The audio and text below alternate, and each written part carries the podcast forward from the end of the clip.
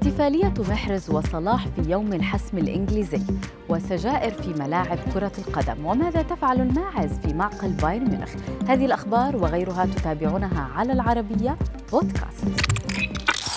نشر بايرن ميونخ الألماني فيديو طريف لتجديد عقد حارسه مانويل نوير حتى نهاية يونيو من العام 2024 ماعز ظهرت وهي تتمشى في ملعب أليانز أرينا ومعها تاريخ تجديد التعاقد ليقترب منها نوير ويقول لها أعتقد بأنهم يتحدثون عني.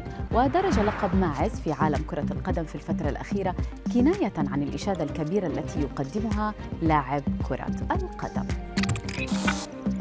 على طريقته المتعالية والطريفة بالوقت نفسه احتفل زلاتان إبراهيموفيتش بتتويج فريقه إس ميلان بلقب الدوري الإيطالي. اللاعب السويدي الذي يحظى بشعبية كبيرة في الأوساط الكروية دخل الملعب وبيده سيجار كما شرب من كأس البطولة. ويبدو أن عادة التدخين في الملاعب تفشت بعد التتويج بالبطولات. فقد ظهر لاعب بوكا جونيورز ماركوس راخو وهو يدخن سيجارة في الملعب بعد تتويج فريقه بطلا لكأس الدوري الأرجنتيني بالأمس.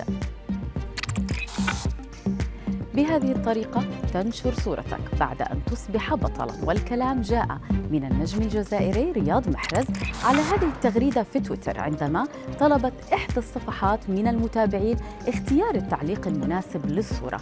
محرز الذي حقق لقب البريمير ليج للمرة الرابعة في تاريخه شكر جماهير الكرة على المؤازرة طيلة الموسم.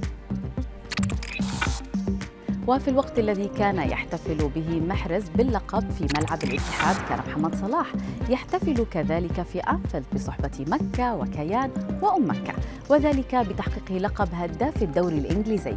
لقب تشارك به مع لاعب توتنهام سون الذي وثقت عدسات الكاميرات انشغاله خلال لقاء فريقه بالجولة الأخيرة ما إذا كان صلاح سجل أم لم يسجل.